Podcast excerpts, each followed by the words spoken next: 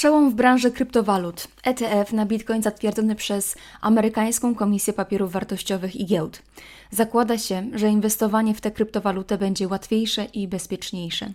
Kryptowaluty to nie to, co przedstawia Netflix, magiczne internetowe pieniądze.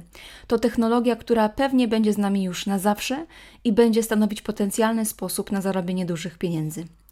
Mój gość, Maciej Ziomek, przedsiębiorca, na co dzień zajmuje się rynkiem kryptowalut. W 2020 roku zarobił 2 miliony złotych dzięki wzrostowi zainwestowanych środków w projekt Unibright.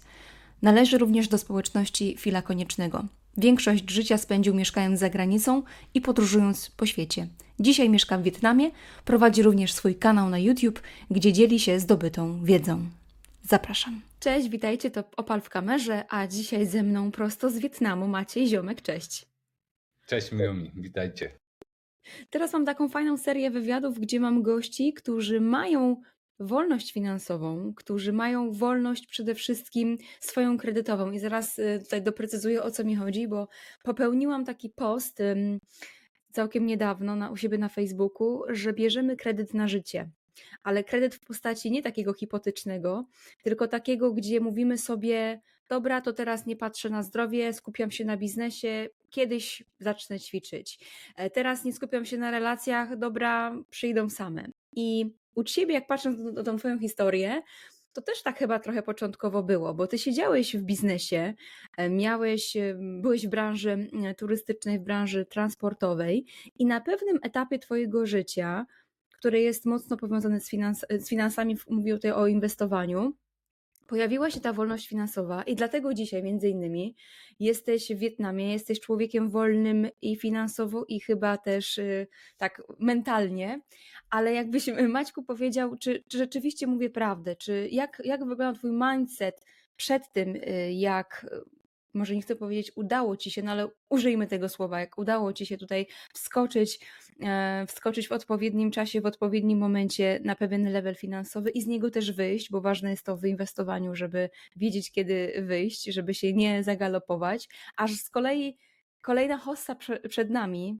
y, wszyscy o tym mówią, więc jakbyś mógł powiedzieć właśnie, jak to wyglądało u ciebie przed i po.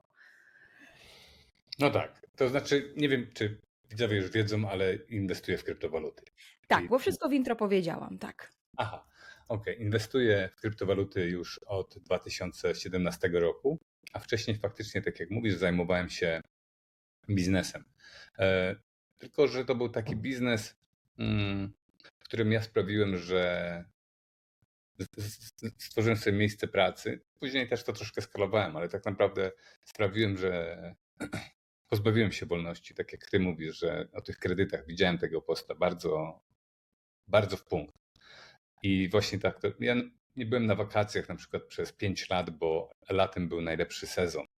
Więc e, najlepiej się zarabiało latem, więc szkoda było po prostu jechać na wakacje. Wydawało mi się, że gonię mm, wolność finansową, a tak naprawdę to było takie zapętlenie się trochę. Także jeżeli ktoś robi biznes, to myślę, że warto od początku zastanawiać się nad czymś, co można skalować, co można zlecać innym osobom do działania, bo e, biegniemy w jakimś kierunku czasem i później się budzimy, tak jak mówisz, tym kredytem, nie? który już jest nie do spłacenia, nie da się tych dni odzyskać. Ja czytam taką książkę teraz e, Umrzeć zerem na koncie. I tam jedną z tych koncepcji jest właśnie taka, że w zależności od tego, w jakim wieku jesteśmy, różne przyjemności nam życie oferuje. Na przykład ja teraz prawie 50 lat mam, w wieku 50 lat nie pojadę już z plecakiem po Azji, nie? żeby sobie pozwiedzać. Także czasami nie warto e, brać tych kredytów, bo one są już niespłacalne. Nie? Także to też trzeba zbalansować. Ok, jeżeli chodzi o moją historię, no to miałem trochę szczęścia. Uważam, że miałem szczęście e, i widząc jakby, że, że nie za bardzo sobie w tym biznesie radzę, bo tak naprawdę nie, źle się z tym czułem. Na początku byłem mega podniecony, otworzyliśmy biznes, kupiliśmy Jeepa, żeby wozić turystów po Islandii.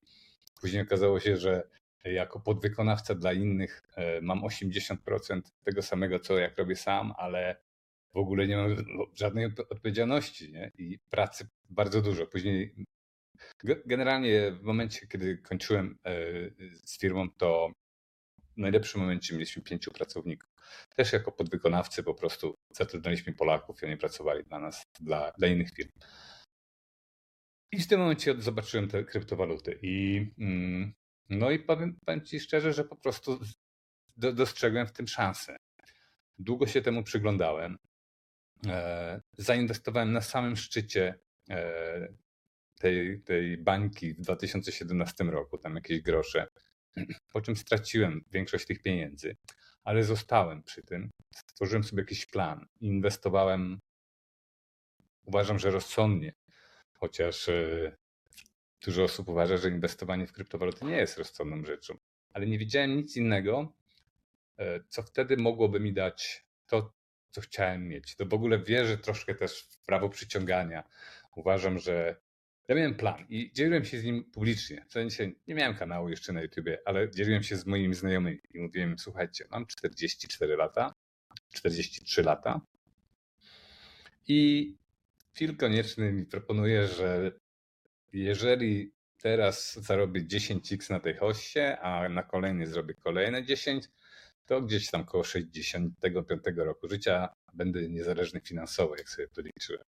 I doszedłem do wniosku, że to nie chcę już w wieku 60 kilku lat być niezależny finansowo. Chcę, chcę w tej hoście. Także dosyć ryzykownie yy, poinwestowałem, no ale szczęśliwie udało się. Znalazłem taką firmę niemiecką, która yy, była bardzo zdewaluowana i generalnie od samego dołka do samej góry rosła 420 razy. Także zrobiło mi to yy, całą robotę, można powiedzieć. Teraz jestem już w zupełnie innym miejscu. Mm, tak jak mówiłaś, jestem niezależny finansowo. Nie jestem jakimś bardzo bogatym człowiekiem, e, ale jestem na tyle w dobrym miejscu, że mogę mieszkać w dowolnym miejscu na świecie e, i no i jakby nie mam kredytów, tak? Może w ten sposób. Także e, i uwielbiam to, słuchajcie. Już mówię teraz do Twoich widzów, uwielbiam, to jest wspaniałe. Jestem wolnym człowiekiem w ogóle nie staram się gonić za jakimś nie wiadomo jakim bogactwem, bo nie ma większej wartości w życiu niż samo życie, to żeby je przeżywać. Nie? I nie wiem, czy jedzenie złotą łyżką zupy aż tak bardzo zmienia jej świat. Właśnie wydaje mi się, że te doświadczenia, które, które możemy mieć w życiu, są dużo bardziej wartościowe. I teraz mamy. Moja żona jest Wietnamką w ogóle, także dlatego też jesteśmy w Wietnamie. Moja córka teraz, przylecieliśmy do Wietnamu tak na próbę, ale zapisaliśmy moją córkę do szkoły i zostajemy tutaj prawdopodobnie na, na kilka lat. No, Azja jest fajna. Ja bardzo lubię Azję.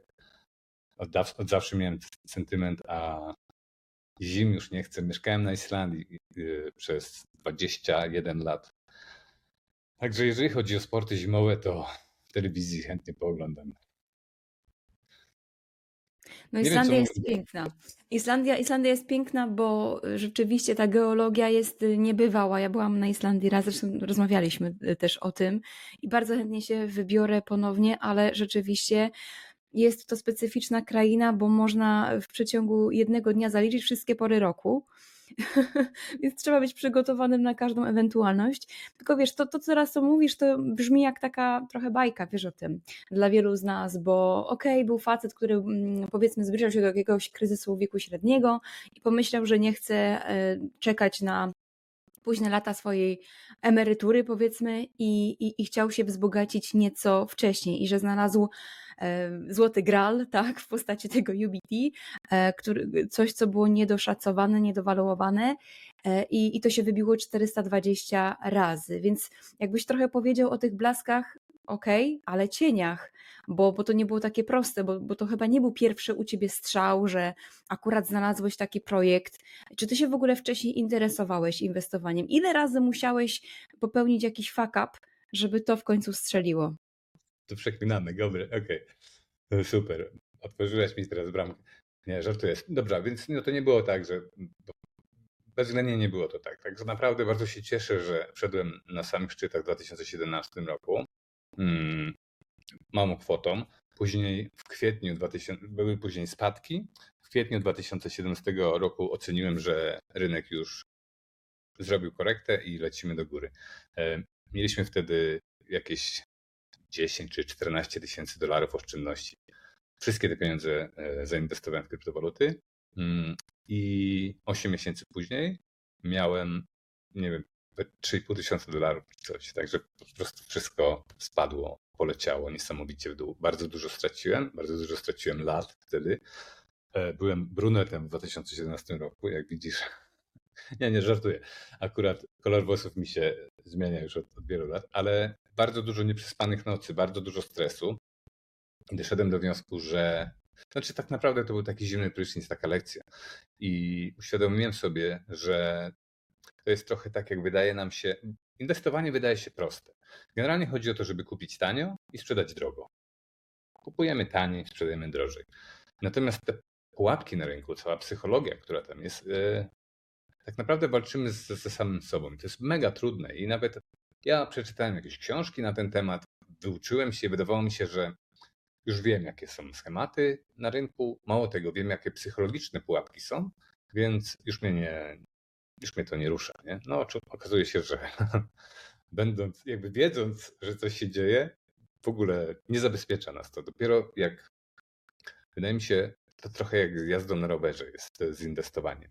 Hmm, jak zaczynasz jeździć, to musisz, parę razy upadniesz, nie? Wyobraź sobie teraz dziecko, które nigdy nie upadło jeżdżąc na rowerze. Od pierwszego siada i jeździ. Jeździ tak przez, nie wiem, pół roku, nie? Bardzo duża szansa jest, że to dziecko się zabije na tym rowerze, bo nie będzie miało wykształconego tego druchu takiego, żeby się zabezpieczyć, żeby nie jeździć za szybko, nie? czy coś takiego. I tutaj jest tak samo na, z inwestowaniem. Także jedną z jakby lekcji inwestowania jest to, że no, trzeba się liczyć z tym, że, że się traci na początku. To jest trochę tak, jak wydaje nam się, że biegamy, umiemy biegać, nie? No umiesz biegać, ja też umiem biegać, no ale jak wystąpimy w maratonie, to ja prawdopodobnie umrę w połowie, a ty pewnie skończysz, wiesz, w drugiej połówce, nie? Ale nie. I tak samo jest z rynkiem. E, jest bardzo dużo uczestników rynku. Tak naprawdę zmagamy się z żywymi ludźmi, którzy są doświadczeni, którzy mają lata doświadczenia na tym rynku i no te nasze szanse są małe, nie? Nie ma się co oszukiwać. Jeżeli chodzi o EBT, to też taka historia. To nie jest tak, że ja sobie znalazłem ten projekt i, i już. E, miałem dużo szczęścia, bo no, pod koniec właśnie 2018 roku Unibright, ten projekt się nazywał Unibright, oni otworzyli taki ambassador program, że tak powiem. I całą ideą tego było, że my mieliśmy, zostawiliśmy ambasadorami, mieliśmy pomagać promować ten projekt, w zamian za co oni nie oferowali nam żadnego wynagrodzenia. Wynagrodzenia, tak. Tak, tylko, tylko proponowali nam, że nas nauczą od kuchni, jak wygląda krypto. Czyli jak na przykład e, wylistować projekt na giełdzie, ile to kosztuje i w jaki sposób oni zabierają partnerstwa. Zupełnie z drugiej strony. To, co my widzimy, czy, czy to, co ludzie widzą gdzieś na Twitterze, czy newsy, to jest jedna strona medalu. Natomiast to, jak to wygląda z drugiej strony, na przykład e, wiele projektów nie zainwestowałem, bo nauczyłem się, będąc jakby częścią tego, tego zespołu ambasadorów Unibright, że te projekty w sztuczny po, e, sposób promują tylko się po to, żeby się wyprzedać na, na inwestorów. Nie? I, no i tak naprawdę też nie zarobiłem sporo kasy, bo, bo dużo tych, z tych projektów, które jest takie powiedzenie w krypto, scams pumps hardest, czyli że skamy naj, najmocniej pompują, nie? Ale ja nie umiem inwestować w coś, czego nie rozumiem. Natomiast tutaj byłem po pierwsze bardzo blisko teamu i do, do, po drugie, ta etyka, z jaką oni traktowali ten projekt i to wszystko, no, podobało mi się. Uważam, że tak naprawdę było mi łatwiej nie? Niż, niż znaleźć jakiegoś takiego coina gdzieś tam, nie wiadomo, teraz jest tych coinów, nie wiem, 17 tysięcy. Każdy mówi, że jest najlepszy, ale tak naprawdę pewnie z 98-9% z nich gdzieś tam poleci do zera, nie? Przestanie być potrzebne. Zresztą Unibright też po ogromnych wzrostach ma, nie wiem, 90 kilkuprocentową korektę. Ja też mm, chciałbym powiedzieć, że sprzedałem wszystko. Chciałbym sprzedać wszystko na, na szczytach, a nie zostałem z bardzo dużą torbą, która stopniała tam powiedzmy z kilku milionów do kilkudziesięciu tysięcy, nie? Także. Ale dzięki temu właśnie też i tutaj też ukłon w stronę fila koniecznego, bo dołączyłem też do grupy, takie forum Firmy otworzył w 2018 roku i forum miało świetną formułę, ponieważ ideą tego było to, że miało być 300 osób i każda z nich miała jakby skoncentrować się na jakimś innym odcinku na rynku i razem połączyć siły, żeby sobie z tym rynkiem poradzić. No i ja się tam odnalazłem. E, strasznie się wkręciłem i zostałem ambasadorem tego forum w ogóle w przyszłości, co już w ogóle mi nie pasowało tak naprawdę, bo wolałem płacić i dawać ten kontent za darmo, niż później. Ja mam problem z autorytetami, nie, nie lubię pracować, dlatego za, zawsze miałem gdzieś problem, zawsze gdzieś ci pracodawcy mnie denerwowali. Najgorzej, jak pracodawca jest od ciebie mniej inteligentny i to jest, to jest bardzo, bardzo, bardzo trudne. Także ja musiałem, słuchajcie, zarobić, bo chciałem być wolny i wierzyłem, że, że jestem w stanie. Też jest, uważam, że wiara jest bardzo istotna. E, trzeba wykreować sobie tą rzeczywistość. Nie? Trzeba wierzyć. I tutaj, tak jak jeszcze raz mówię, ja mówiłem moim znajomym, bo było nas kilka osób. Tam miałem takich kumpli, którzy, z którymi jeździliśmy na wycieczki z turystami i, i po prostu mówiłem, nie, słuchaj, mam tyle i tyle kasy w UBT, inwestuję w ten projekt do tego i dlatego. Opowiadaj mi po prostu wszystko, nie?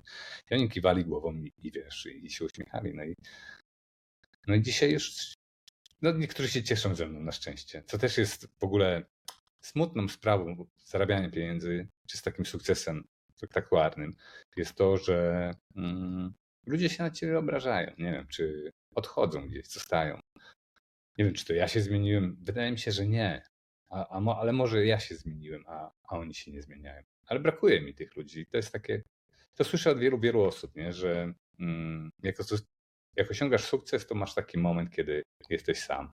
Później poznajesz nowych ludzi z nowym mentalem, którzy ci pasują. Nie? Ta samotność w sukcesie, tak, to jest, to jest prawda. Zobacz na, na miliarderów, jakie oni mają wąskie środowiska wokół, wokół siebie. Mm, tak, słuchając Ciebie, to zaprzeczasz wszystkich, wszystkim przesłankom, prawdom, żeby nie inwestować całych swoich środków w, jedną, w jedno miejsce, a Ty to zrobiłeś, więc wiesz, to kwestia jest taka, czy Ty rzeczywiście, przepraszam, ale miałeś szczęście, że zainwestowałeś nie, w jedno miejsce. Mhm. Ale Warren Buffett też inwestował w Coca-Colę. To, to nie jest tak, słuchajcie, przepraszam, że ci wszedłem słowo, ale nie to, musimy, musimy się zastanowić, bo w ogóle wszyscy doradcy finansowi mówią nam o dywersyfikacji, nie? No ale to, dla mnie to była prosta matematyka. Jeżeli mam jakiś tam kapitał, powiedzmy wartość, nie wiem, nowego jakiegoś niskiej klasy samochodu, nie?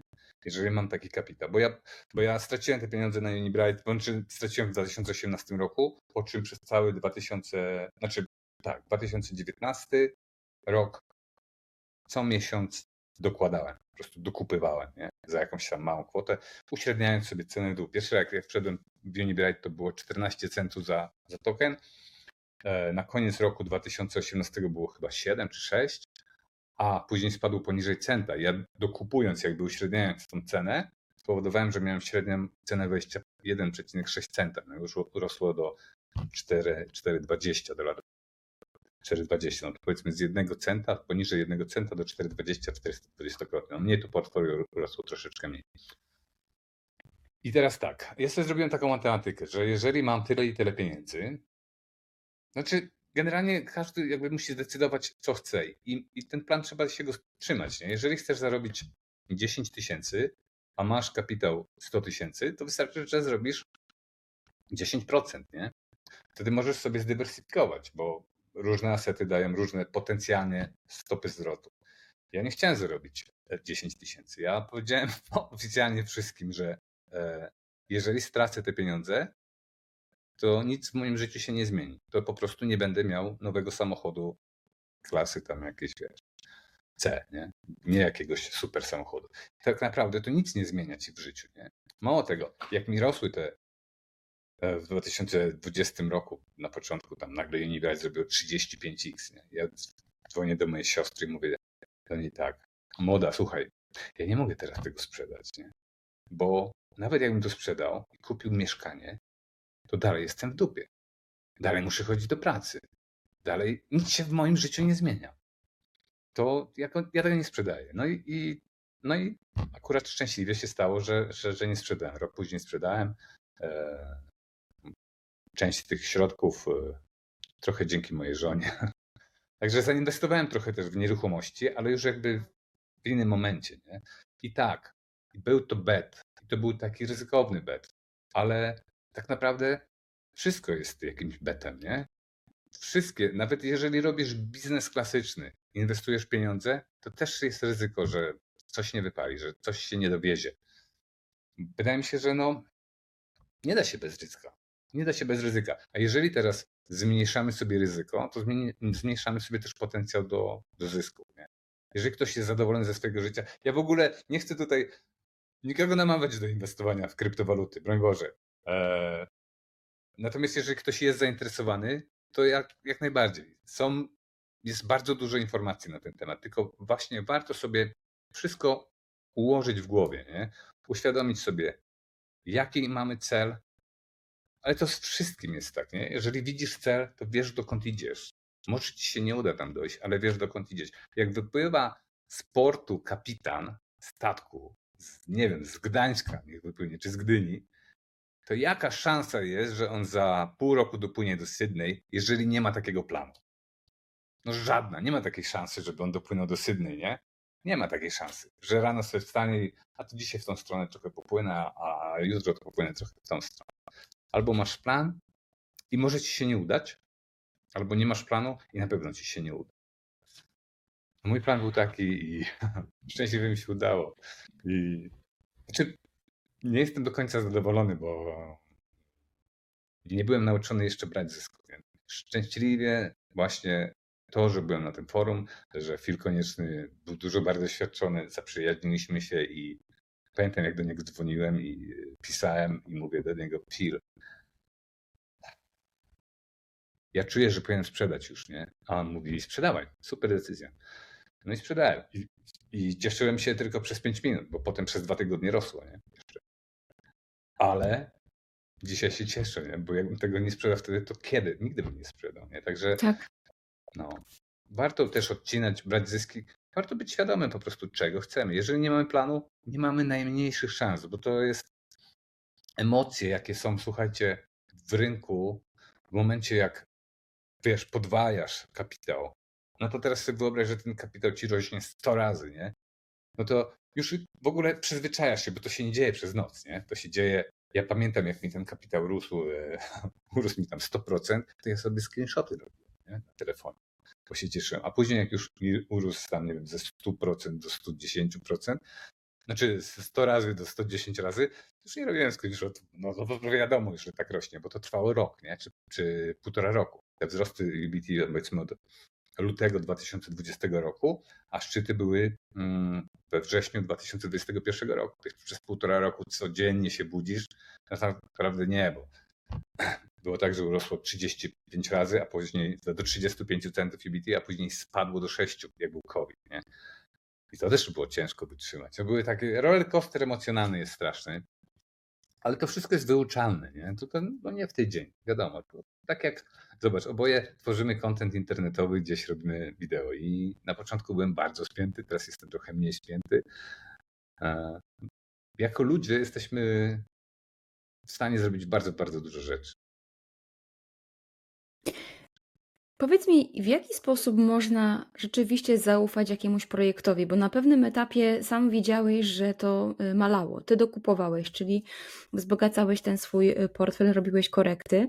Natomiast y, wiesz, jak, jak bardzo trzeba wierzyć w projekt, żeby dalej do niego dokładać, bo popatrz, ile sam, sam powiedziałeś, że jest tych skamów, czyli tych takich projektów krzaków, które mają świetny marketing, które świetnie mm, prosperują, pokazują wyniki, też ludzie znają zespoły, a jednak na koniec dnia tracą pieniądze życia. No, słuchaj, troszkę to jest tak, E, no, ja, za, ja, ja, jakby uwierzyłem w ludziom, nie? Uwierzyłem w tych ludzi, bo z nimi rozmawiałem i wydali mi się godni zaufania.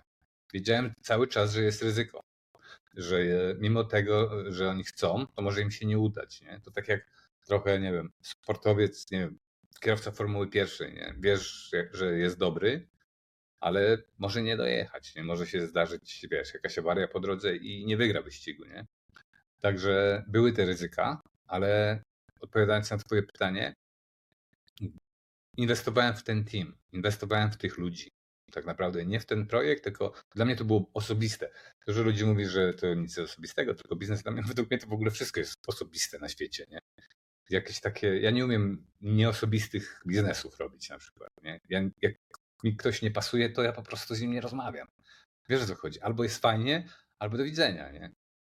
I tutaj było podobnie. Nie wszystko mi leżało. Powiem, powiem ci, że były takie rzeczy, które mnie drażniły w, ich e, sposobie bycia, ale nie mogłem się przyczepić w żaden sposób do tego, w jaki profesjonalny sposób robili. Oni byli tak, tacy trochę zmęczeni naszy, nami jako społecznością, no bo my byliśmy leszczami, nie? Chcielibyśmy zarabiać, e, a oni cały czas tą narrację mieli przez, wiesz, przez trzy lata. Słuchajcie, dajcie nam po prostu pracować, nie? Będziemy wam robić te update'y, ale nie co tydzień może nie wiem, co trzy miesiące, dajcie nam po prostu robić naszą robotę, ale wiesz, zawsze dowozili wszystko i no, takie zaufanie budowałem. Ja nigdy nie, nie inwestuję, znaczy teraz troszkę może przesadzam, ale staram się nie inwestować w projekty, w których jest anonimowy team, nie? W ogóle generalnie na wielu projektach nie zarobiłem, nie zainwestowałem w nie, bo, bo miałem jakieś czerwone flagi, które mi się nie podobały. I wydaje mi się, że to jest lepsza, lepsza strategia, żeby nie dać. Generalnie, dopóki masz pieniądze, to jesteś w stanie je pomnożyć. Jeżeli, jeżeli działasz na rynkach takich finansowych, gdzie pomnażasz kapitał, nie? Więc dopóki go nie stracisz, to zawsze jesteś w stanie, masz szansę jakby e, go pomnożyć. Więc najistotniejsze jest, żeby go nie tracić. Nie? Właśnie tutaj, mm, no, dlatego wszyscy proponują tą dywersyfikację ale no i ta dywersyfikacja nie leżała. No teraz inwestuję innym kapitałem i wydaje mi się, że teraz jak najbardziej dywersyfikacja jest, jest istotna. Nie wiem, no, tak jak rozmawialiśmy, jeżeli z 10 tysięcy złotych zrobisz 20 tysięcy złotych, no to jest miło, ale to niewiele zmienia w twoim życiu, nie? Natomiast jeżeli, nie wiem, z 2 milionów złotych zrobisz 4 miliony złotych, no to już jest zupełnie inna różnica. Znaczy zupełnie inna kwota po prostu. Dlatego też inaczej się inwestuje 2 miliony złotych, czy 20 milionów złotych, a inaczej się inwestuje 10 tysięcy. Znaczy cały czas w zależności od tego, co chcesz, nie? No bo zwiększając ryzyko, zwiększając jakby ryzyko, zwiększasz ryzyko, nie? Możesz zarobić więcej, ale możesz stracić wszystko. Na szczęście na kryptowalutach nie można stracić więcej niż 100%. Nie? Bo są takie instrumenty finansowe, na których można stracić więcej niż 100%. Można się na przykład zaszortować w coś i, i zadłużyć nie? takim betem. Także na kryptowalutach na szczęście tylko można stracić wszystko. A... Mówisz o tych czerwonych y, flagach, to znaczy, że jakie to są wyznaczniki, wskaźniki? Czym jest dla ciebie czerwona flaga, że pojawia się ta lampka i mówi: Nie, tu nie wchodzimy? No jest dużo takich, e, tak naprawdę takich rzeczy, które muszą być dopięte. Ja na przykład zwracam uwagę na tokenomię. E, jeżeli są takie projekty, które, nie wiem, mają 3% circulating supply i kapitalizację teoretyczną 20 milionów na tym circulating supply, ale wiemy, że tam będzie inflacja, e, przepraszam, ile to będzie? 33%, 33 razy więcej tokenów wpłynie do, na rynek. Nie? Masz 3%, zostaje 96 powiedzmy, to jest 33 razy więcej niż aktualnie. I tu mamy taką samą sytuację jak z fiducjarnym pieniądzem, nie? Hiperinflacja. Czyli jeżeli dopompujesz teraz tyle tego powietrza, czyli tyle tych tokenów do rynku, to jeżeli nic się nie zmieni fundamentalnie w projekcie, to cena będzie spadać. Nie? Także to jest, to jest coś takiego, na co ludzie nie zwracają uwagi albo błędy, jakie popełniają. Patrzą na cenę jednostkową, nie patrzą na market cap. Market cap jest bardzo istotny. Market cap to jest waluacja e, firmy czy, czy projektu e, i to jest naj, najbardziej istotne. Na przykład XRP, powiedzmy, no jest tam, nie wiem, pół dolara, ale ma ogromną waluację. Tak naprawdę nie, nie jest realne, żeby ono urosło gdzieś nawet w okolicy Bitcoina, bo musiały wszystkie pieniądze świata tam wpłynąć, żeby podbić tą cenę. Także e, właśnie patrzę na to, na tokenomię, nie? czyli jaki jest circulating supply, jeżeli były jakieś pre bo często właśnie tak jest, że teraz coraz częściej tak naprawdę, że jakiś venture capital inwestuje w projekt przed wejściem jeszcze na, na giełdy. Warto jest wiedzieć, kiedy będą unlocki, po ile oni wchodzili, bo jeżeli, jeżeli jest taka sytuacja, że oni mają już nie wiem, 20x i, i za dwa miesiące dostaną tokeny, to prawdopodobnie się skeszują, co spowoduje, że cena spadnie. Także to jest to. Kolejny to, tak jak mówiłem, team. Dla mnie, ja nie inwestuję bardzo rzadko, inwestuję tylko w memcoiny czasem, ale to są jakieś takie groszowe sprawy chyba tylko po to, żeby tego diabła hazardu gdzieś tam e, nakarmić, nie? Ale generalnie staram się nie inwestować w projekty, które mają ukryty team. Oprócz Bitcoina, bo Bitcoin jakby nie ma teamu. E, ale nie inwestuję. W ogóle teraz staram się inwestować w takie większe projekty, które też mają jakieś wsparcie dużych venture kapitałów, na przykład Binance Labs.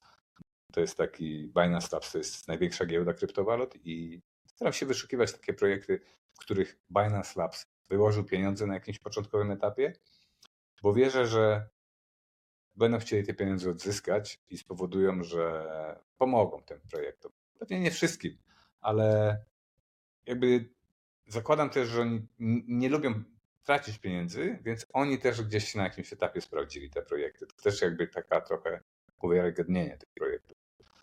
Eee, nic mi nie przychodzi więcej do głowy, jeżeli chodzi o red flagi, ale są takie rzeczy. Ja też trochę. I, teraz trochę to będzie śmieszne, ale ty mnie zrozumiesz, mam nadzieję, bo kobiety tutaj mnie rozumieją zwykle w tej kwestii. Jak mi nie leży ktoś z teamu, to też nie inwestuję. Nie? Jak mi się ktoś wydaje taki śliski, czy coś, coś, coś mnie Intuicja męczy. ci podpowiada po prostu, Jakaś że coś jest nie tak. Ja w mhm. ogóle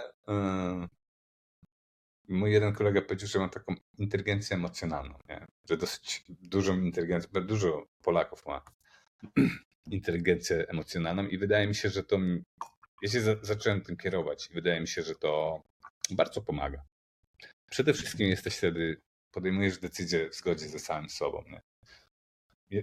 Jak działasz e, w zgodzie z intuicją, to ja się cieszę potem. No, nawet, wiesz, nie wszystkie te decyzje okazują się potem albo bardzo zyskowne, albo e, świetne, ale generalnie dobrze mi z nimi, bo są w zgodzie ze mną. Nie? Także polecam kierować się intuicją. Może niekoniecznie w inwestycjach, ale. Wszędzie się przydaje, ta inteligencja emocjonalna jest kluczowa w kontakcie między, w kontakcie między, międzyludzkim, w, właśnie w pracy. Ale wiesz co, wbiję trochę kij w mrowisko, bo ja lubię tak z drugiej strony zawsze popatrzeć. Miałam e, ostatnio taką bardzo ciekawą wymianę zdań na temat właśnie krypto bo po prostu byłam na, na, na wyjeździe i tam mówiłam, że za niedługo mam taki taki wywiad. No między innymi chodziło o ciebie, ale nie konkretnie o twoją osobę, tylko w ogóle o temat, który będziemy poruszać. I usłyszałam od przedsiębiorcy, któremu naprawdę, naprawdę dobrze idzie w biznesie, to jest biznes tradycyjny. Mówi tak, OG, kasa to się bierze z pracy. I na zasadzie takiej, że wiesz, y, ja teraz nie, nie optuję za żadną z opcji. E, sama też y, inwestuję w krypto. To nie jest oczywiście tak w takim zaawansowanym studiu, stadium jak ty, ale bardziej chodzi mi o to, że no uczę się tego, bo, bo jak czegoś nie rozumiem, to się wolę najpierw nauczyć, żeby później cokolwiek tam wrzucać i też y, dywersyfikować swój portfel i zbraniać się przed inflacją, ale bardziej chodzi mi o to, że ty już byłeś w tym tradycyjnym biznesie.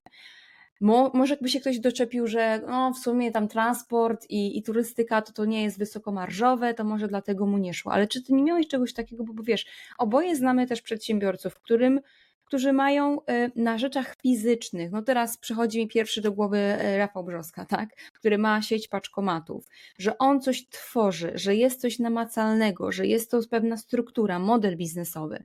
A nagle po drugiej stronie wagi mamy osobę, nie mówię tutaj o tobie, mamy osobę, osoby, które inwestują w krypto, czyli które realnie siedzą przed komputerem, być może nigdy nie dotknęły klasycznego biznesu, nigdy nie miały szefa, nie były szefem i zarabiają krocie. To teraz Pytanie, jak do tego wszystkiego podchodzić? Jaki, jaki mają mental osoby takie jak ty, które powiedziały, że nie chcą autorytetów, że chcą właśnie e, polegać na teamach, na swojej intuicji, na inteligencji emocjonalnej, versus osoby, które rzeczywiście y, mają pewną strukturę pracy. Fajne pytanie. Bardzo mi się podoba, e, że o- to zapytałaś. Powiem ci, że e, tutaj kilka przykładów mam tak naprawdę. E, Ten twój kolega, który powiedział ci, że praca bierze się z pieniędzy, on miał rację. Stuprocentową rację. I tutaj przypomina mi się takie, takie porównanie, że pięć osób zamknięte zostało w ciemnym pokoju w tym pokoju był słoń. Każda z tych osób dotknęła tego słonia i miała go opisać. Pierwszy raz w życiu go widzieli. Znaczy nie widzieli go, tylko, tylko organoleptycznie przez dotyk.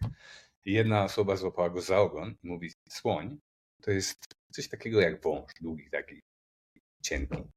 Druga osoba złapała słonia za nogę i mówi, słoń to jest taki pal jak drzewo. Trzecia złapała słonia za ucho i mówi, słoń to jest coś takiego płaskiego, takie płaskie stworzenie jak płaszczka. No i mógłbym wymieniać różne rzeczy. Tam osoba, która złapała za brzuch, powiedziała, że jest okrągły. E, wydaje mi się, że jest więcej sposobów zarabiania pieniędzy niż ciężką pracą. E, tak naprawdę ciężka praca nie równa się zarabianiu pieniędzy. Jest bardzo, prawdopodobnie 90% ludzi na świecie ciężko pracuje i nie dorabia się. Nie? Także bycie przedsiębiorcą, w ogóle bycie przedsiębiorcą to jest. e, Ja mam ogromny szacunek dla wszystkich ludzi, którzy zbudowali jakikolwiek biznes. Dla tych, którzy w ogóle odnieśli duży sukces, to ja się kłaniam w pas, ponieważ to nie jest mój set of skills. Ja nie, ja nie, ja nie potrafię robić biznesu. Wydaje mi się, że nie potrafię. Spróbowałem, e, stworzyłem sobie miejsce pracy. To, to że działałem w turystyce, to też, to też trochę tak, e, tak po prostu wyszło, bo mm, ja mieszkałem na Islandii. Nie mówiłem po islandzku, mówiłem po angielsku. To miesz- mieszkanie w ogóle jako e, osoba w innym kraju jest e, challenging, że tak powiem. Trochę jest trudno. Mówiłem, zacząłem mówić po angielsku. W pewnym momencie gdzieś tam kupiłem jakiegoś takiego dostawczaka, zacząłem wozić różne rzeczy, nim próbowałem gdzieś, próbowałem coś zmienić w tym swoim życiu. Mi nie pasowało. No i później właśnie otworzyliśmy tą firmę turystyczną, był boom turystyczny na Islandii, ale mi się to nie podoba. Podobało mi się to przez trzy miesiące, po- potem mi się już przestało to podobać. Ja nawet gdyby nie było krypto, pewnie nie dowiózłbym tego biznesu. Nie wiem, coś innego bym musiał gdzieś próbować znaleźć. No i próbowałem. I wydaje mi się, to tak jak wiesz, e, jedna osoba umie szybko biegać, a druga osoba świetnie gra w szachy, nie? I obie są genialne w tym, co robią, ale ciężko jakby porównać, która, która, która większe sukcesy sportowe osiąga. Czy ta, która jest mistrzem świata w szachach, czy ta, która jest mistrzem świata w biegach na 100 metrów. I tutaj wydaje mi się, to jest chyba najlepsza analogia, nie? że mm, ci przedsiębiorcy, którzy działają w prawdziwych biznesach, oni po prostu mają taki skill i potrafią e, się zdyscyplinować, potrafią ciężko pracować, wiedzą jak wszystkie te kropki połączyć, żeby dowieść. Ci ludzie, którzy zarabiają na rynkach kapitałowych, pewnie mają inne, inne skille, które pozwalają, albo mają dużo szczęścia. Niech każdy nazwie to jak chce. Prawdopodobnie właśnie ci, którzy ciężko pracują, nazwą to szczęściem, nie? że temu gościu, gościowi się udało. Wydaje się w ogóle, że zarabianie czy utrzymywanie się z kapitału to jest taki lekki kawałek chleba, ale powiem Ci szczerze, że to jest bardzo stresujące zajęcie. Nie? Bardzo stresujące zajęcie. Ja na przykład e, nie miałem wpływów od 2021 roku. To znaczy, że cały czas wydaję pieniądze. To znaczy, że cały czas z kubki ubyła. I teraz czekam, żeby powoli zaczęło do kubki przybywać. Nie? Bo akurat taka była koniunktura, bo akurat taki, taki był moment na rynku. Ja nie jestem traderem, nie handluję, nie shortuję, nie gram w tą stronę, bo wiem, że to też nie jest, to też nie jest mój kawałek chleba. Próbowałem, straciłem sporo pieniędzy w ten sposób i nie dotykam się do tego. Działam teraz, znaczy teraz też już jest to inna sytuacja, bo mm, mam nieruchomości, część z nich wynajmuję. Teraz e, jeszcze przylecieliśmy do tego Wietnamu, prawdopodobnie już, znaczy wrócimy na lato teraz do Islandii, a później już wyje, wyjedziemy na stałe. Także na Islandii też będę coś tam wynajmować. Ten dom, który kupiliśmy, wynajmiemy go po prostu i no już nie będziemy się martwić o to, że, że nie będziemy mieć na zapłacenie rachunków, nie? Powiedzmy, koszta życia w Wietnamie są takie, że za wynajęcie tego domu to będziemy tutaj żyć świetnie po prostu. Myślę, że dobrze też żylibyśmy w Polsce nawet, bo, bo Islandia jest bardzo bogatym krajem. Ale kiedyś może się zdarzyć tak, że, że ta sytuacja się odwróci, bo te rynki tutaj się niesamowicie rozwijają. No pewnie nie zdarzy się to za mojego życia, ale, ale bardzo się prężnie rozwijają tutaj w Wietnamie. No nie wiem, czy odpowiedziałem na twoje pytanie. Generalnie tak, ciężką pracą można zarabiać, ale z głową, nie? Ja nie umiem. Wiesz co, zawsze trzeba pracować mądrze. Niezależnie od tego, czy jest to praca manualna, czy jest to praca umysłowa. No zobacz, że niekiedy praca umysłowa jest bardziej męcząca niż manualna. Bo przy manualnej możesz wyłączyć głowę. Jak, jak wiesz, jak ja pracowałam w górnictwie, to, to nawet mi chłopaki mówili, że oni wolą y, po prostu pójść, coś zrobić, tutaj przekopać, coś wyczyścić, połopatować, y, czy wsiąść za, za stery ładowarki i, i przerzucać kruszywo, bo po prostu nie muszą o tym myśleć, a osoby, które są decyzyjne, które muszą planować wiele rzeczy, to też mają odpowiedzialność większą y, za swoimi plecami. Więc ja tutaj się zgadzam zarówno z Tobą i, i zgadzam się zarówno z tym moim znajomym. Druga sprawa, wiesz, no ja też jestem po stronie, być, mo być może na razie, y, tych, którzy, którzy pracują własnymi rękoma i sprzedają swój czas ale, ale to też trzeba popatrzeć, co komu leży, nie? Tak jak mówisz, y, kto z czym się czuje dobrze. Ty tego nie czujesz, takiej pracy na zasadzie właśnie codziennego wstawania i odpowiadania za coś, a, a wolisz, wolisz sobie śledzić wykresy, czy w ogóle. I to też, i to też jest wymagające. I to, I to podejrzewam, jaki to jest poziom stresu. Ja, I teraz a propos stresu. Jak ty sobie radzisz z tym stresem w takich momentach kulminacyjnych? Jak ty go rozładowujesz? Przemoc w rodzinie. Nie, no, żartuję. No, nie radzę sobie. Znaczy, źle sobie radzę. To też właśnie, jak zapytałaś o ten stres. Powiem ci, że to było bardzo ciężkie. No, znaczy, adaptujemy się do, do. Jak ludzie adaptujemy się do wszystkiego, nie? Jesteśmy w stanie się przyzwyczaić do, do wszystkiego. Także z czasem, jakby mm, ten rynek już nie ma takiego wpływu na Teraz przed ETF na Bitcoina dostaliśmy pieczątkę od, od rządu amerykańskiego, że krypto jest legitne, nie? Spodziewamy się wielkiej hosty, no i jest mi miło z tym, ale zrobiłem wideo na, na, na mój kanał, powiedzieć ludziom o tym, ale tak naprawdę to nic się w moim życiu nie zmienia. Natomiast trzy lata temu pewnie bym nie spał z dwie noce, nie? bo był, tak bym był podniecony. Jestem dosyć emocjonalną osobą, także wszystko przeżywam. E, pamiętam te wzrosty szczególnie te pierwsze wzrosty na Unibright i też o tym opowiadałem moim znajomym. Ja się budziłem rano z zaciśniętymi pięściami. Kładziłem, kładłem się spać, budziłem się rano z zaciśniętymi pięściami po 4 godzinach stu. Tak byłem zestresowany. Nie? Eee, wtedy zacząłem chodzić na spacery. Takie spacery półtorej godziny. Nie? W sensie Wychodziłem z domu i przez półtorej godziny szedłem. Rozmawiałem najczęściej przez telefon, słuchałem jak ja chciał do bójka czy coś, ale chodziłem tak długo, aż mnie, aż mnie to zmęczyło. I tak naprawdę schodziło ze mnie. W sensie, że wysiłek fizyczny, endorfiny, one nam resetują ten układ nerwowy, wydaje mi się. Także zdecydowanie polecam wszelkiego rodzaju aktywność fizyczną na, na stres, bo nasz organizm powinien się ruszać jak się ruszamy, to żyjemy w zgodzie z tym, do czego zostaliśmy stworzeni. Nie? Więc on jak się rusza, tak jak ci twoi koledzy mówili, że, że lubią sobie popracować fizycznie, ja, ja też pracowałem fizycznie przez wiele lat. Przyjechałem do Islandii bez żadnego języka, jako 28-letni chłopak, także pracowałem na budowie, w stolarni, różne rzeczy robiłem. Sprzedawałem ubrania psów przez, przez, przez telefon. Niesamowite rzeczy robiłem ale też sobie bardzo ceniłem wysiłek fizyczny. Lubiłem e, się zmęczyć. Śpisz wtedy po prostu e, zdrowym snem. Czekaj Maciek, ja cię muszę to zapytać. Jak się sprzedaje ubrania przez telefon dla psów? No więc tak. E, mieliśmy, to było po kryzysie 2007-2008 mm, roku, także w 2009 roku dostałem taką pracę.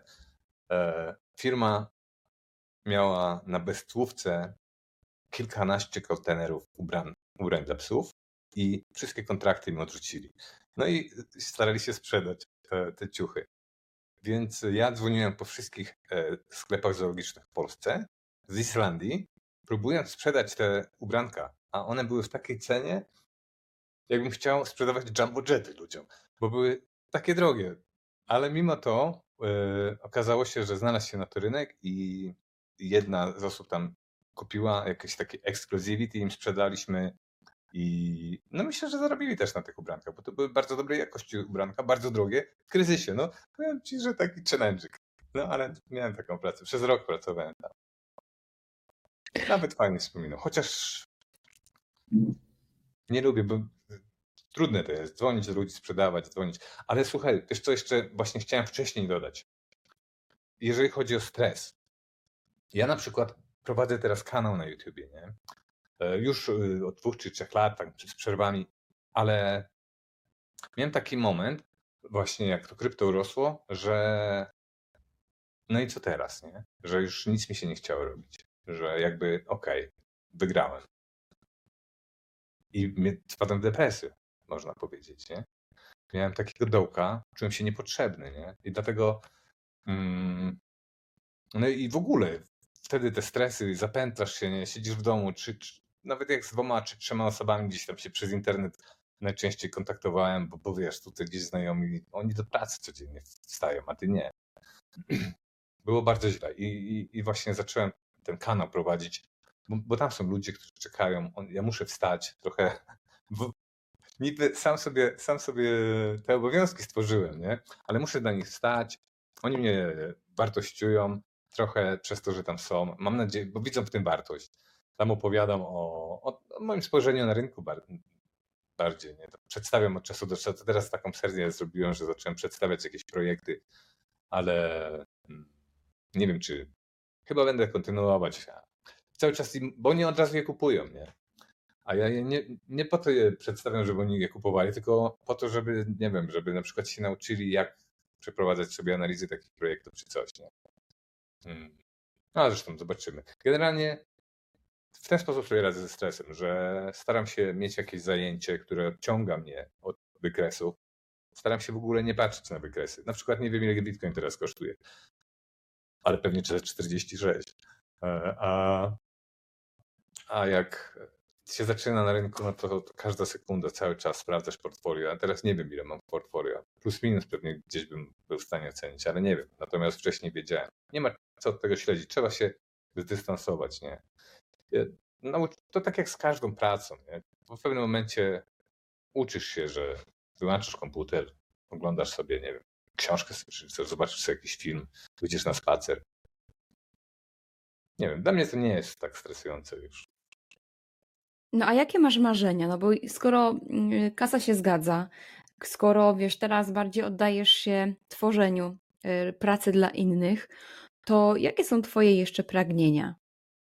Ja mam troje dzieci, wiesz, mam dużego syna takiego, który ma już swoją rodzinę w Polsce i mam dwa bąble takie. Jeden, y, mój syn ma 12 lat, ten średni, ten duży ma 28 lat, czyli starszy jest od ciebie. E, I mam córkę, Ja mam która... 32, Maciek, no bez przesady. I mam córkę, która ma 7 lat. Teraz skończyła 29 grudnia.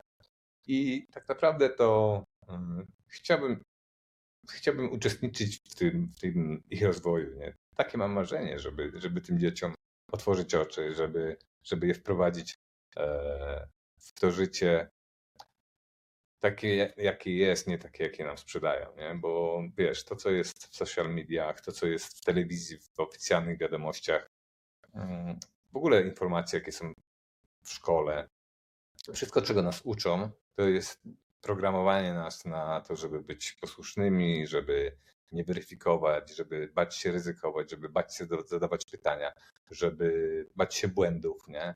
Szkoła nas uczy tego, że błąd to jest coś złego, a błąd to jest nic złego. No, każdy, kto coś robi, popełnia błędy i to jest jakby etap, kolejny krok w nauce, nie?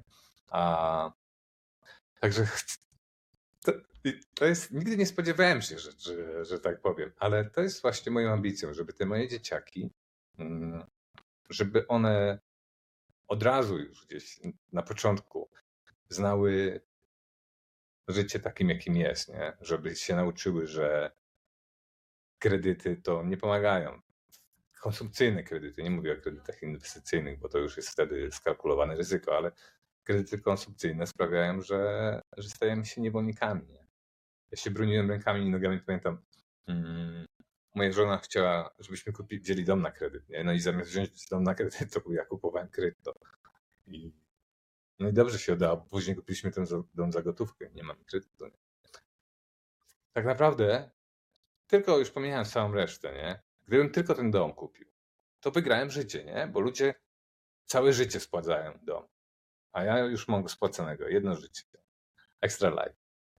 Także no, chciałbym, wiesz, chciałbym, chciałbym te kredyty, które zaciągnąłem, nie jeżdżąc na wakacje, pracując ciężko, chciałbym te kredyty pospłacać, jeżeli się da. Pewnie się nie da, ale chciałbym właśnie, mm, chciałbym pożyć. Mam sporo znajomych takich, e, tutaj też z tej grupy niezależnych inwestorów od, od Fila, e, ludzi z genialnym mentalem. E, Tam jest próg wejścia i to już nie mówię nawet o finansowym progu wejścia, tylko taki mentalny też próg wejścia. Fajnie jest otaczać się takimi ludźmi, którzy, z którymi się rozumiesz. Wiesz, my się nie znaliśmy, a wydaje mi się, że z niektórymi to, to tak jakbyśmy się znali jak, jak łyse konie, nie? Tak pasujemy do siebie gdzieś. E, fajnie. I to są ludzie też niezależni finansowo. Powiem, powiem ci, że życie jest, naprawdę piękne, wspaniałe jest życie i spędzać czas z tymi e, osobami, z którymi ci jest dobrze. Wiesz, mamy jakiś czas dany tylko na tej ziemi, nie? I wielką wartością dla mnie jest e, interakcja z ludźmi. Bo wszyscy jesteśmy inni i, i to jest, nie wiem, to jest fajne, to mnie cieszy. Ja nie mam jakichś takich ambicji, żeby polecieć na Antarktydę czy, coś, nie? ale właśnie, żeby, przeżywać życie, żeby próbować różnego jedzenia. Chciałbym jeszcze, chciałbym jeszcze, mam jeszcze kupę krajów, które chciałbym zobaczyć. To chciałbym je zobaczyć tak trochę inaczej, nie z Itaką, tylko mm, polecieć samemu, posiedzieć sam, nie wiem, wypić kawę, popatrzeć jak ludzie chodzą. No, mówisz to, bo no bezsprzecznie masz ku temu zasoby, bo ludzie, którzy dorabiają się i mają rzeczywiście, muszą spłacać kredyty, mają jakieś zobowiązania, to oni nie patrzą, że tak, wow, to ja teraz będę budował relacje, teraz się oddam podróżom i tak dalej. I ty jesteś dzisiaj w takim momencie, że rzeczywiście musisz mieć tą wolność finansową. Czyli mam wrażenie, że trzeba jednak zaliczyć ten taki dołek i trzeba trochę tam e, zaliczyć stresów, żeby być w końcu na wierzchu, gdzie widzisz znacznie więcej, na tym szczycie. Że to nie tylko chodzi o te pieniądze. Że Tak. Ale no tak. Tylko słuchaj, mi się wydaje, że w ogóle zobacz. Wszyscy ci ludzie. Zobacz, jak, jak, jacy oni są oszukani. No nie wiem, dla mnie to największym oszustwem to jest kredyt na mieszkanie. Na 30 lat, nie? W ogóle e, to co? Przez następne 30 lat nie możesz sobie wziąć, nie wiem, 3 miesiące wolnego, bo, bo zwykle to jest tak, że wiesz, wszystko się tylko spina, nie? nie? Nie ma opcji, że na 3 miesiące lecisz do Azji, bo zaraz nie będzie kasy na kredyt. Nie? Ludzie nie, nie wiem, wydaje mi się, 80% ludzi w ogóle ma zero oszczędności na koncie. Cały czas, wiesz, od pierwszego do pierwszego. E, I teraz masz kredyt na mieszkanie, jesteś uwiązana do miejsca i do miejsca pracy, nie? Praktycznie, e, no nie wiem, dla mnie to jest takie nowoczesne niewolnictwo trochę, nie? I teraz te same pieniądze, inwestując gdzieś przez 30 lat, załóżmy, że trzy razy stracisz, znaczy, że dwa razy po drodze stracisz cały kapitał, nie? No, Inwestujesz dzie- 10 lat, straciłeś cały kapitał, drugi raz straciłeś, za trzecim razem ci się udało, nie? E, nie wiem, wydaje mi się, że ale ja jestem inny, nie? jestem inny. Od zawsze gdzieś jakiś taki byłem trochę inny. Nie, nie zawsze było mi po drodze ze wszystkimi, nie zawsze mi pasowało, zawsze gdzieś tam czułem fałsz, nie, nie wiem, wydaje mi, ale to, to jest strasznie oszustwo. Moja mama na przykład całe życie była w kredytach. Moja mama nie żyje dwa lata teraz, strasznie za nią tęsknię. Wspaniała kobieta. E, ale ona mnie niczego nie nauczyła. Moja mama miała całe życie kredyt. Jak się kończył jeden kredyt, to brała z kasy tam za takiej firmie. To brała kolejny kredyt. Całe życie spłacała kredyty. I to do niczego nie prowadzi. Wielu, wielu ludzi tak żyje. W pewien sposób to też jest pomysł na życie, bo nie masz wyjścia. Jesteś uwiązana, musisz zapierdzielać.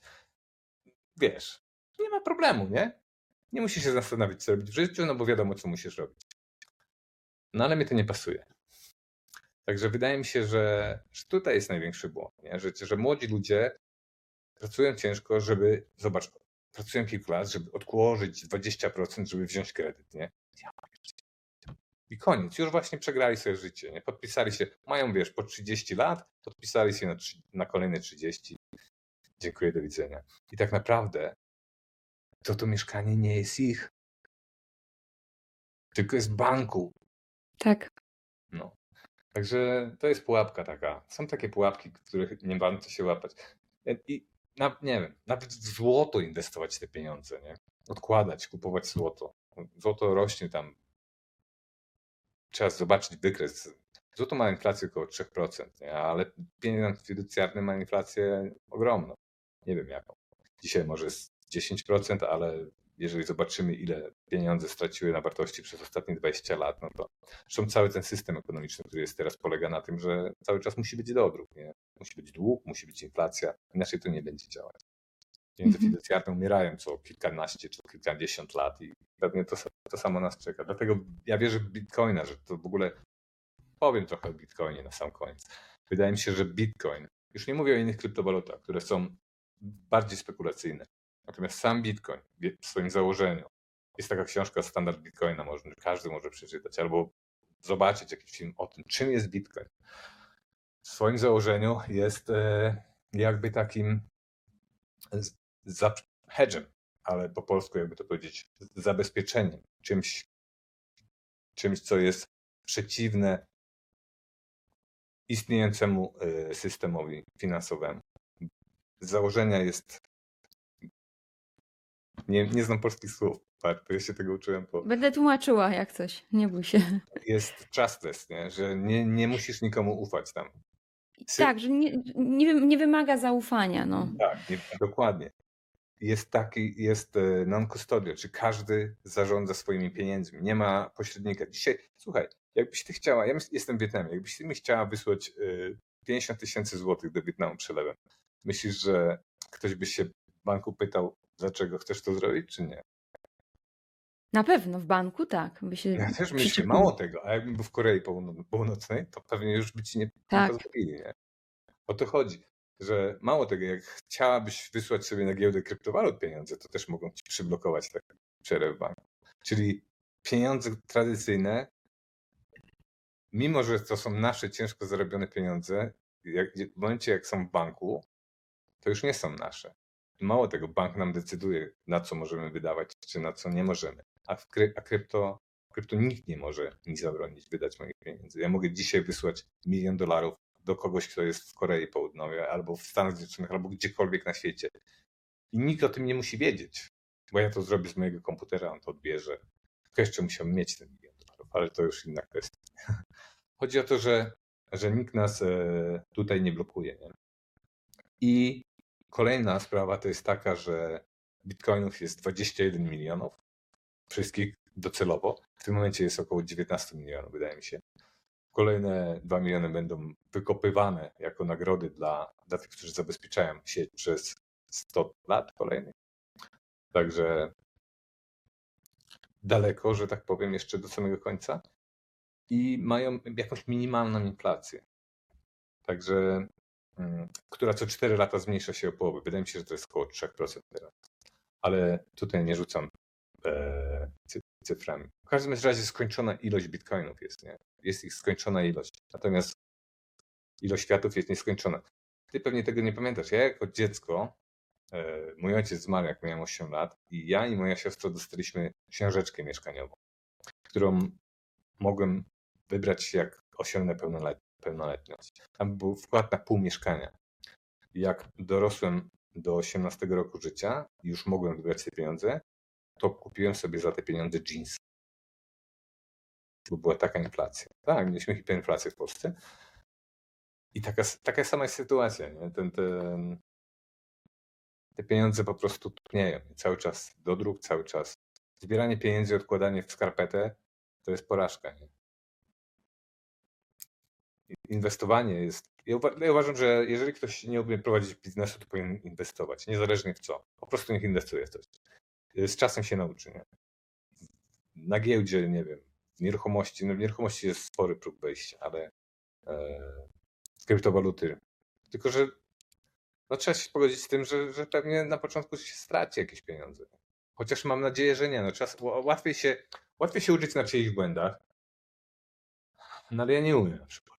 No, ludzie nie umieją uczy, uczyć się na cudzych błędach. Mało kto potrafi wy, wyciągnąć wnioski. Musi się najpierw sam sparzyć, żeby później nauczył się, że tak się nie robi. No ale to jest nie- nieodłączny, to jest nieodłączny element. Jestem mega ciekawa komentarzy pod tym naszym dzisiejszym wywiadem, bo jest tutaj na pewno Twoja społeczność, którą pozdrawiam, która mnie nie zna. Jest moja społeczność, która Ciebie nie zna. I tutaj też Was zapraszam do, do Maćka na kanał, bo on tam rzeczywiście dzieli się tą swoją wiedzą. Mm, Mało jest tam o nim w, kon- w kontekście. Cieszę się, że tutaj taka rozmowa wyszła, ponieważ w końcu mo, można było posłuchać Ciebie jako Maćka, który tam ma historię, który ma pragnienia, który miał jakieś fakapy, bo, bo u ciebie jest no taka twarda, twarda wiedza techniczna, prawda? Raczej Pod tak. kątem inwest- inwestowania, ale te dwa światy myślę, że się fajnie przeplatają i najważniejszym elementem, który spina te dwa światy, to jest psychologia, psychika, bo ona o wszystkim decyduje. Zgadzam się w 100%. No, także mega, mega Ci dziękuję Maciek. Wiesz, no trzymam kciuki za, za dalszy rozwój, za to, żebyś, e, cóż, żeby Twoi wychowankowie może też mogli e, osiągnąć tę wolność finansową, tę wolność mentalną, żebyś y, spłacił swój kredyt życiowy, chociażby w większej części. No i cóż, żeby dalej śledziła Twoje podróże, bo gdzieś tam przeglądam zdjęcia i mówię, wow, ekstra. Dziękuję Ci bardzo. Słuchaj, bardzo mi miło, że, że zechciałaś mnie mieć tutaj. Mam nadzieję, że coś wniosłem na kanał. Mam nadzieję, że się podobało to wideo. Zapraszam, tak jak mówiłaś, wszystkich do mnie, jeżeli ktoś jest ciekawy. Ja zaczynam teraz robić też taką serię trochę o życiu w Wietnamie. Próbuję to wrzucać na mój kanał, chociaż nie wiem, czy nie zrobię osobnego kanału o tych podróżach. Zobaczymy. Yy, Zobacz, zobaczysz, wiesz co, ja próbowałam też u siebie na kanale, natomiast widzę, że to jednak się nie przyjmuje. Ktoś wchodzi na kanał typowo po, po jedną rzecz, a jak widzi misz-masz, e, to, to nie zawsze, nie zawsze go to przekonuje. tak. No nie, dziękuję No. Ci bardzo. Bardzo było Dzięki miło. Maciek. Dzięki. Wam i do następnego. Pa, pa.